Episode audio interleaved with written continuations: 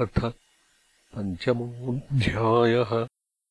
स्वपुत्रेभ्यः ऋषभस्य ज्ञानोपदेशः। ऋषभ उवाच नायम् देहो देहभाजाम् नृलोके कष्टान् कामानर्हते विड्भुजाम् ये। तपोदिव्यम् पुत्र पुत्रकायेन सत्त्वम्। शुद्ध्येद्यस्माद्ब्रह्मसौख्यम् त्वनन्तम् महत्सेवान् द्वारमाहृविमुक्तेः। तमोद्वारम् योषिताम् सङ्गिसङ्गम्। महान्तस्ते समचित्ताः प्रशान्ताः। विमन्यवः सुहृदः साधवो ये। ये वामयीशे कृतसौहृदार्थाः जनेषु देहम् भरवार्तिकेषु। गृहेषु जायात्मजरातिमत्सु। न प्रीतियुक् यावदर्थाश्च लोके। नूनम् प्रमत्तः कुरुते विकर्म। यदिन्द्रियप्रीतय आपृणोति न साधु मन्येयतात्मनोऽयम् असन्नपि क्लेशद आसदेहः पराभवस्तावदबोधजातो यावन्न जिज्ञासत आत्मतत्त्वम्।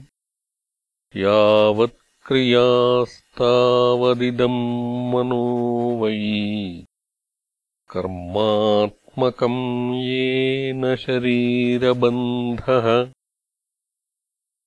एवम् मनः कर्मवशम् प्रयुङ्क्ते अविद्ययात्मन्युपधीयमाने प्रीतिर्न यावन्मयि वासुदेवे न मुच्यते देहयोगेन तावत् यदा न पश्यत्ययथा गुणेहाम् स्वार्थे प्रमत्तः सहसा विपश्चित्। गतस्मृतिर्विन्दति तत्र तापान्। आसाद्यमैथुन्यमगारमज्ञः। पुंसस्त्रियामिथुनीभावमेतम् तयोर्मिथो हृदयग्रन्थिमाहुः। अतो गृहक्षेत्रसुताप्तवित्तैः जनस्य मोहोऽयमहम् ममेति। यदा मनो हृदयग्रन्थिरस्य कर्मानुबद्धो दृढ आश्लथेत। तदा जनः सम्परिवर्तते स्मात्। मुक्तः परम् यात्यतिहाय हेतुम्। हंसे गुरौ मयि भक्त्यानुवृत्त्या। वितुष्ट या द्वन्द्वतितिक्षया च सर्वत्र जन्तोर्व्यसनावगत्या जिज्ञासया तपसेहानिवृत्त्या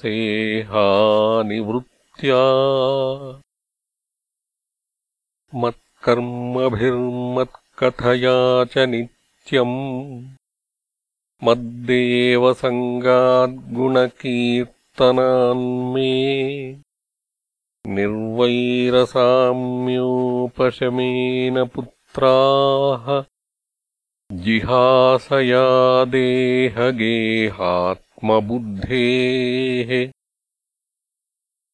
अध्यात्मयोगेन विविक्तसेवया प्राणेन्द्रियात्माभिजयेन सद्भ्यक् सच्छ्रद्धया ब्रह्मचर्येण शश्वत् असम्प्रमादेन यमेन वाचाम्। सर्वत्र मद्भावविचक्षणेन ज्ञानेन विज्ञानविराजितेन योगेन धृत्युद्यमसत्त्वयुक्तो लिङ्गम् व्यपोहेत्कुशलोऽहमाख्यम् कर्माशयम् हृदयग्रन्थिबन्धम् अविद्ययासादितमप्रमत्तः अनेन योगेन यथोपदेशम् सम्यग्व्यपोह्योपरमेतयोगात् पुत्रांश्च शिष्यांश्च नृपो गुरुर्वा। मल्लोककामो मदनुग्रहार्थः। इत्थम् विमन्युरनुशिष्यादतज्ञान्। न योजयेत्कर्मसु कर्ममूढान् कम् योजयन्मनुजोऽर्थम् लभेत निपातयन्नष्टदृशम् हि गर्ते। लोकः स्वयम् श्रेयसि नष्टदृष्टिः योऽर्थान् समीहेतनिकामकामः अन्योन्यवैरः सुखलेशहेतोः अनन्तदुःखम् च न वेदमूढः। कस्तम् स्वयम् तदभिज्ञो विपश्चित्। अविद्यायामन्तरे वर्तमानम् दृष्ट्वा पुनस्तम् सघृणः कुबुद्धिम् प्रयोजयेदुत्पथगम् यथान्धम् गुरुर्न स स्यात् स्वजनो न स स्यात् पिता न स स्याज्जननी न सा स्यात् दैवम् न तत्स्यान्न पतिश्च स स्यात् न मोचयेद्यः समुपेतमृत्युम् इदम् शरीरम् मम दुर्विभाव्यम्। सत्त्वम् हि मे हृदयम् यत् धर्मः। पृष्ठे कृतो मे यदधर्म आरात्। अतो हि मामृषभम् प्राहुरार्याः। तस्माद्भवन्तो हृदयेन जाताः सर्वे महीयाम् सममुम् सनाभम्। क्लिष्टबुद्ध्या भरतम् भजध्वम् शुश्रूषणम् तद्भरणम् प्रजानाम्। भूतेषु वीरुद्भ्यवुदुत्तमाये सरीसृपास्तेषु सबोधनिष्ठाः ततो मनुष्याः प्रमथास्ततोऽपि गन्धर्वसिद्धा विबुधानुगाये देवासुरेभ्यो मघवत्प्रधानाः। दक्षादयो ब्रह्मसुतास्तु तेषाम्। भवः परः सोऽथविरिञ्चवीर्यः समत् परोऽहम् द्विजदेवदेवः न ब्राह्मणैस्तुलये भूतमन्यत् पश्यामि विप्राः किमतः परन्तु यस्मिन्रुभिः प्रहुतम् श्रद्धयाहम् अश्नामि कामम् न तथाग्निहोत्रे धृतातनूरुषती मे पुराणी येनेह सत्त्वम् परमम् पवित्रम्। शमोदमः सत्यमनुग्रहश्च तपस्तितिक्षानुभवश्च यत्र मत्तोऽप्यनन्तात्परतः परस्मात् स्वर्गापवर्गाधिपतेर्न किञ्चित् येषाम् किमु स्यादितरेण तेषाम् अकिञ्चनानाम् मयि भक्तिभाजाम्।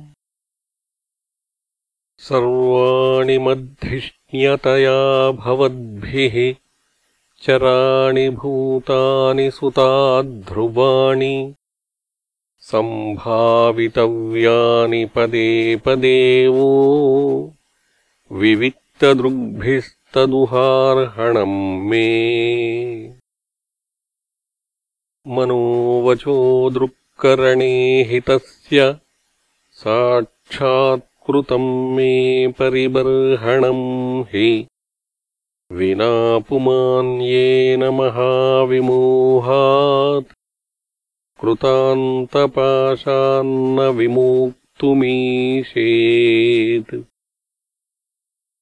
श्रीशुक उवाच एवमनुशास्यात्मजान् स्वयमनुशिष्टानपि लोकानुशासनार्थम् महानुभावः।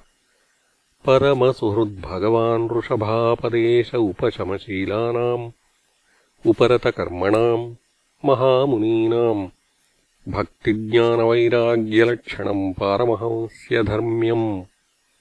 उपशिक्षमाणः स्वतनयशतज्येष्ठम् परमभागवतम् भगवज्जनपरायणम् भरतम्। धरणिपालनायाभिषिच्य स्वयम् भवन एवोर्वरितशरीरमात्रपरिग्रह उन्मत्तैव गगनपरिधानः प्रकीर्णकेश आत्मन्यारोपिताहवनीयो ब्रह्मावर्तात्प्रवव्राज जडान्धमूकबधिरपिशाचोन्मादकवत् अवधूतवेषो अभिभाष्यमाणोऽपि जनानाम् गृहीतमौनव्रतः तूष्णीम् बभूव तत्र तत्र पुरग्रामाकरखेटवाटखर्वट शिबिरव्रजघोषसार्थगिरिवनाश्रमादिष्वनुपथम्।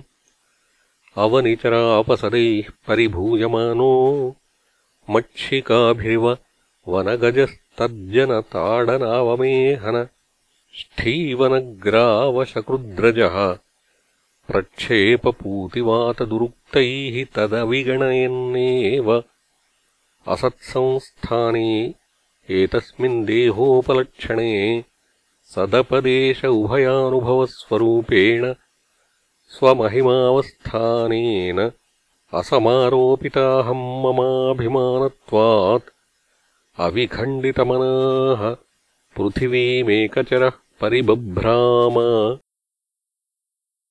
अतिसुकुमारकरचरणोरस्थलविपुलबाह्वंसगलवदनाद्यवयवविन्यासः। प्रकृतिसुन्दरस्वभावहाससुमुखो नवनलिनदलायमानशिशिरतारारुणायतनयनरुचिरः सदृशसुभगकपोलकर्णकण्ठनासो विगूढस्मितवदनमहोत्सवेन पुरवनितानाम् मनसि कुसुमशरासनमुपदधानः परागवलम्बमानकुटिलजटिलकपिशकेशभूरिभारोऽवधूतमलिन निजशरीरेण ग्रहगृहीतैवादृश्यत। यर्हि वावस भगवान् लोकमिमम् योगस्याद्धा प्रतीपमिवाचक्षाणः तत्प्रतिक्रियाकर्मबीभत्सितमिति व्रतमाजगरमास्थितः शयान एवाश्नाति पिबति खादत्यवमेहति हदति स्म। चेष्टमान उच्चरितादिग्धोद्देशः तस्य ह यः पुरीशसुरभिसौगन्ध्यवायुस्तन्देशम् दशयोजनम् समन्तात्सुरभिम् चकार एवम् गोमृगकाकचर्यया व्रजंस्तिष्ठन्नासीनः शयानः काकमृगगोचरितः पिबति खादति अवमेहति स्म।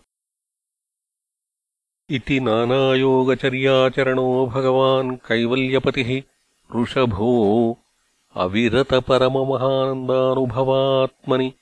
सर्वेषाम् भूतानामात्मभूते भगवति वासुदेवे आत्मनो व्यवधानानन्तरोदरभावेन सिद्धसमस्तार्थपरिपूर्णो योगैश्वर्याणि वैहाय समनोजवान्तर्धान परकायप्रवेशदूरग्रहणादीनि यदृच्छयोपगतानि नाञ्जसा नृपहृदयेनाभ्यनन्दत् इति श्रीमद्भागवते महापुराणे पारमहंस्याम् संहितायाम् पञ्चमस्कन्धे पञ्चमोऽध्यायः।